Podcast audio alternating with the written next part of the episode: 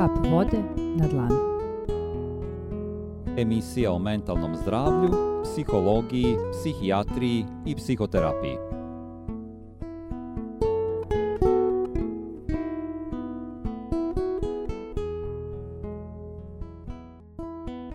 Dobro večer. Slušate emisiju Kap vode na dlanu. Moje ime je Igor Pavluković i u ovom izdanju emisije pričat ću vam o tome kako se povezati sa svojim osjećanjima, tačnije kako teku faze procesa osjećanja koje su date u sistemu telesne psihoterapije. Ono o čemu ću vam ovdje pričati zasnovano je na istraživanjima koje su dali Wilhelm Reich u svojoj knjizi Funkcija orgazma i Schmidt u knjizi Telo u psihoterapiji. Po ovim istraživanjima, osjećanja se odvijaju na sljedeći način. Na početku se javlja potreba, na primjer, glad, zaštita, čežnja i sl.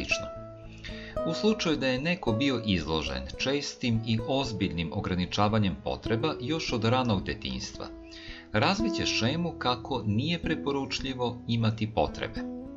To će dovesti do poremećaja u svesnosti sobstvenih potreba i njihovom ispoljavanju, kao i u zadovoljavanju istih. Nakon što se pojavi potreba, u telu se javlja uzbuđenje. Ovo možemo opisati kao osjećaj tenzije koju osoba osjeća u jednom ili više predjela tela. Na primjer, osjećaj treperenja u stomaku, toplina u predelu grudi, strujanje u ramenima, mišićima ruku, u butinama i sl. U zavisnosti od toga kakvo se uzbuđenje osjeća, da li je to nešto što je prijatno ili neprijatno, usmerava osobu ka sljedećem koraku, a to je identifikacija osjećanja. Potrebno je postati svestan konkretnog osjećanja, prepoznati šta je to što se osjeća. Žene često imaju konfuziju u prepoznavanju jer su učene da nije preporučljivo znati šta im treba. Nakon toga dolazi ekspresija tog osjećanja, a to se odnosi na to da se osjećanje ispolji i pokaže. Često se u ovom delu dešava da neko ne može da izrazi osjećanje iako zna šta osjeća. Nakon toga se dolazi u kontakt i komunikaciju sa nekim drugim. To je neophodno kako bi osoba podelila osjećanje kog je postala svesna. Ovo je neophodan korak za građanje i održavanje stabilnih i skladnih odnosa sa drugima. Ovo postižemo tako što prepoznajemo sobstvena osjećanja i osjećanja druge osobe i reagujemo na to tako što pružamo ka drugoj osobi povratnu reakciju u vidu onoga što njeno osjećanje izaziva u nama. U ovom delu nailazimo na sljedeće primjere blokada. To je kada osoba osjeća, na primjer, bes i pokazuje da je ljuta, ali ne ide ka drugoj osobi, već ostaje ukopana u mestu. A drugi slučaj jeste kada osoba osjeća potrebu za zagrljajem i dodirom i kaže, jasno se izrazi da hoće odnos, ali ne ide ka drugoj osobi i ne može da to uradi. Ono što sledi jeste zadovoljenje koje predstavlja ispunjenje potrebe. Ovo je deo koji ljudi koji nemaju blokade ostvaruju sa lakoćom. A s druge strane, oni koji su blokirani nastavljaju komunikaciju i nisu u stanju da je završe, nego ponavljaju da govore šta im je potrebno, ali bez zadovoljenja. Na kraju imamo završetak procesa osjećanja, a to je vratiti se u svoj centar. Ovo znači biti svestan svog zadovoljstva zbog ispunjenja potrebe i vraćati se sebi ovo je ujedno i separacija, dakle odvajanje od kontakta sa spoljnim svetom. Wilhelm Reich kaže da je veće zadovoljstvo vratiti se u svoj centar nego ostati duže vremena konektovan na stanje zadovoljstva zbog ispunjenja trenutne potrebe. Ovo ne važi za osobe koje imaju neku vrstu ovdje opisanih blokada Ako neko ne može da se osjeća sigurno u svom centru, jer je bio duže vreme izložen preprekama koje su mu onemogućavale da ispuni svoje najvažnije potrebe, e, taj čovek ne može da se osjeća zadovoljno i gubi samopouzdanje, a isto vreme gubi i unutrašnju sigurnost. U tom stanju ova osoba osjeća otpor da se vrati u svoj centar, jer u sebi osjeća prazninu, a tu su često prisutni još strahovi i bol. Svako sebe remeti i prekida na određenom delu ovde nabrojanih faza i svako to radi na drugačiji način. Na primer, remeti se tako što se preskaču neke faze. Dakle, na primer, čovek nije identifikovao osjećanje, a ide u ekspresiju. Zatim može da se dođe do tačke 2 ili 3, a onda se vraća nazad. Dakle, da se podsjetimo, tačka 2 je kada se u telu javlja uzbuđenje, a tačka 3 je kada dolazi do identifikacije osjećanja. Dakle, čovek, na primer, još nije siguran osjećanja ili ga je identifikovao siguran je, ali se onda opet vraća na uzbuđenje, dakle ne dolazi do ekspresije, ne ide se dalje. Isto tako, ovde često ove faze ometaju strah i anksioznost. Zbog toga je neophodno prvo osloboditi se straha i anksioznosti, pa je tek onda moguće otići korak dalje.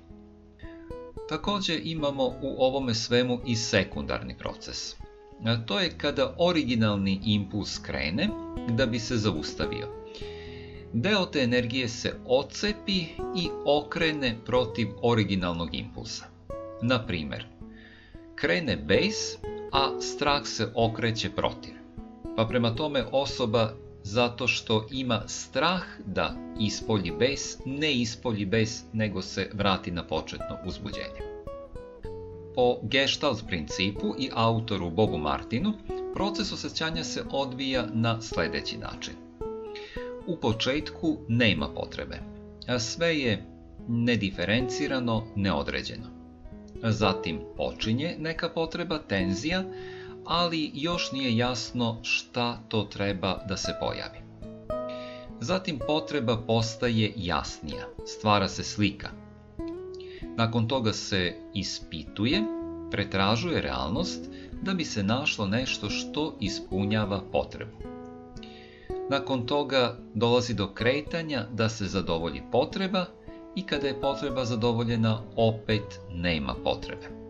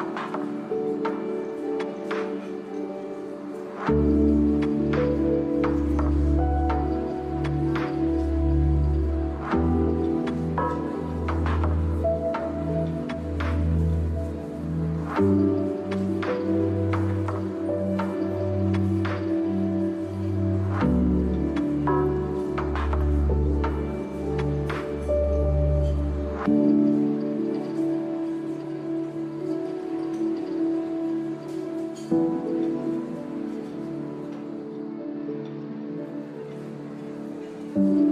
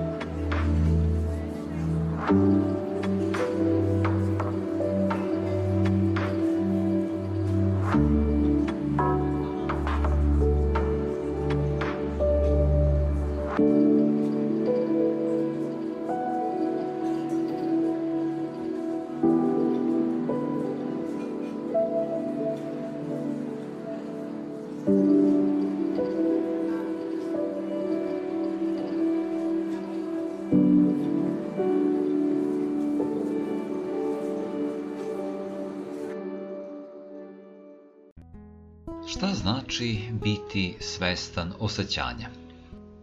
Oklop koji čoveka ometa pri prepoznavanju i ispoljavanju osjećanja nastaje kao mehanizam voljne aktivnosti. Njegova svrha je da zaustavi neposredno zadovoljavanje kratkoročnih potreba, kojih ima mnogo i koje su vrlo privlačne u datom trenutku. Funkcija bloka je da čoveka blokira da krene kratkoročnim alternativama. Sposobnost čoveka da misli, što ga razlikuje od životinje, u kombinaciji sa njegovom voljom, čine čoveka orijentisanim na budućnost. To je ono što doprinosi da čovek može da blokira sebe kako bi mogao da osjeća kako nešto radi upravo sada sa namerom da postigne dugoročnije ciljeve u budućnosti. Osjećanja su sada i ovde. Nalaze se na vrlo dubokom instinktivnom delu ličnosti. Mi kao ljudska vrsta imamo dosta toga zajedničkog u osjećanjima u odnosu na osjećanja viših vrsta životinja.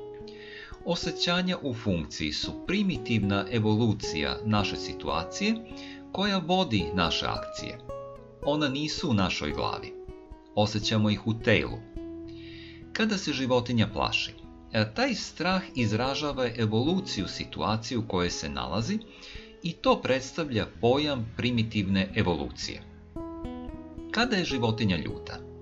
Ta ljutnja izražava njenu primitivnu evoluciju situacije u kojoj je. U tom slučaju, bes upravlja njenim akcijama. U drugom slučaju to čine strah ili glad. Ekspresija osjećanja je u neku ruku primitivna evolucija. To ukazuje na izgradnju vrednosti i sposobnosti prosuđivanja u odnosu na datu situaciju. Tako mi stičemo iskustvo da radimo to što radimo. Pošto smo kao ljudska vrsta stekli kapacitet da mislimo, mi razvijamo drugačiji model evolucije i drugačiju vrstu procesa. Prva stvar koju možete da primetite u procesu osjećanja jeste da su ona povezana sa neposrednom situacijom koja je predstavljena vašim očima sa onim što je dostupno vašim čulima. Mišljenje je povezano sa onim što nije dostupno čulima, što u najvećem broju slučajeva nije sada i ovde. Mi najčešće razmišljamo o prošlosti i budućnosti. Na taj način, mišljenje nas osposobljava da razvijamo naše živote izvan sadašnjeg prostora i vremena. I to tako da odgovaramo na enormno veliki svet na koji životinje nisu sposobne da odgovore. U razumevanju procesa osjećanja i blokada koje sprečavaju neposrednu ekspresiju onoga što osjećamo, ključna stvar je mišljenje orijentisano na budućnost. Ako ne bismo imali razvijeno mišljenje. Sve što bismo osjećali, izražavali bismo neposredno ovde i sada. U tom slučaju, ne bismo imali sposobnost odlaganja neposrednog zadovoljavanja sobstvenih potreba u svrhu postizanja viših ciljeva. I tako bismo ostali na primitivnom nivou evolucije. Razvoj telesnog oklopa kako ga je Wilhelm Reich definisao i njegovu svrhu moguće je lakše razumeti kroz proces osjećanja koji sam vam ovde opisao. Tokom svog razvoja kao odrasloj, zreloj ličnosti, mi razvijemo mišljenje orijentisano na budućnost i sposobnost da odlažemo neposredno zadovoljavanje svojih nižih potreba kako bismo ostvarili više i za nas važnije i vrednije ciljeve u budućnosti. Druga strana svega toga je da stičemo naviku da sebe blokiramo i u onim situacijama gdje to ne ima važnost i svrhu u datom trenutku. Upravo to dovodi do stvaranja tvrdokornih blokada, rigidnih struktura, strahova, besa, bola i drugih vidova blokada koje nas odvajaju od prepoznavanja i prirodne ekspresije svojih osjećanja. Kroz rad u procesu telesne psihoterapije možete prepoznati kod sebe ove obrazce, osloboditi ih se i uspostaviti integraciju i sklad između vašeg uma, tela i osjećanja. Zbog toga je moj savjet da dođete na radionice telesne psihoterapije koje organizujem u našem prostoru u psihoterapijskoj i psihijatrijskoj ordinaciji Anđelke Kolarević. A radi, e, na radionice možete da se prijavite putem telefona 060 518 1990 i isto tako preko inboxa na stranici Kap vode na dlan. Za kraj daću vam dve praktične vežbe za uklanjanje blokada svesnosti osjećanja. Pokušajte ovo u praksi da vidite koji će efekat izazvati, a nakon toga ko osjeća potrebu da dođe na radionicu ili ako otkrijete da postoje neke ozbiljnije blokade, možete naravno da se javite i da nastavljate ovo da razrađujete kako na radionicama, isto tako i na seansama telesne psihoterapije. Prva vežba ide ovako. Završite rečenicu. Na primjer, na sreću ja sam i na nesreću ja sam. Dakle, ovo je rečenica na temu veze tela i psihe. Na primjer, može ovako da se kaže. Na sreću, ja sam snažne građe i zato izdržljiv ili izdržljiva, ali na nesreću, tako građen građena da nisam ženstvena ili muževan. Druga vežba. Sedite udobno, opustite se i dišite pravilno u stomak, pa u grudi, pa sve napolje. Zatvorite oči. Pokušajte da ne mislite. Eliminišite misli iz vaše glave. Dišite i pratite šta se dešava u vašem telu. Registrujte da li ste uspeli da eliminišete misli, da li se nešto menja u vašim osjećanjima, u vašim mišićima. Ako se neka misao ipak pojavi, samo je registrujte, postanite je svesni i nastavite da dišete. Dakle, u ovim procesima jako je važno da sve vreme imate e, svest kako dišete. Dakle, e, obraćate sve vreme pažnju da pravilno dišete. Pri tome, prihvatite i registrujte sve što vam se dešava. Usmerite se na disanje, na senzacije iz vašeg tela. Na primjer, na bolna ili prijatna mesta, na tople ili hladne delove. Moguće da ćete čuti i neke zvuke iz vaše utrobe, dakle možete i na to da se usmerite ako ih bude. Ono što je u ovoj vežbi na prvom mestu važno jeste da osetite sebe. Dakle, pošto je ova tema vezana za proces osjećanja, najvažnije je osjećati sebe. Dakle, kako možete osjećati sebe ako niste sigurni, dovoljno je da dodirnete svoje telo dlanovima. Dakle, već ćete imati osjećaj dodira. Na taj način osjetite sebe i nakon toga pokušajte da uživate u prijatnim senzacijama vašeg tela. Jedno vreme uživajte u miru u sebi i miru koji vas okružuje. A kada to budete poželjeli, sa izdahom lagano otvorite oči i vratite se u prostoriju u kojoj ste. Eto, to su bile dve praktične vežbe, a ova tema je bila posvećena procesu osjećanja, kako je to opisao uh, Wilhelm Reich u e, svojoj knjizi Funkcija orgazma i kako je to pisao Schmidt u knjizi Telo u psihoterapiji. Moje ime je Igor Pavluković, moja specijalnost je telesna psihoterapija, pa evo još jednom da vas pozovem na radionice i uh, još jednom da ponovim uh, telefon, dakle to je 060 5181990. Preko ovog telefona možete nas kontaktirati, dakle i mene i ostale saradnike, psihoterapeute u psihijatrijskoj i psihoterapeutskoj ordinaciji Anđelke Kolarević za sve za šta osjetite da vam je potrebna psihološka ili psihijatrijska pomoć. Toliko od mene u ovom izdanju emisije Kap vode na dlanu. Prijatno, do slušanja. Kap vode na dlanu. Emisija o mentalnom zdravlju, psihologiji, psihijatriji i psihoterapiji. Temu pripremio Igor Pavluković, psihoterapeut. Autor muzike Vuk Bradić. Redakcija emisije Kap vode na dlanu. Primarius dr. Anđelka Kolarević, Tamara Bradić i Igor Pavluković. Želimo vam prijatan unutrašnji rast. Do slušanja.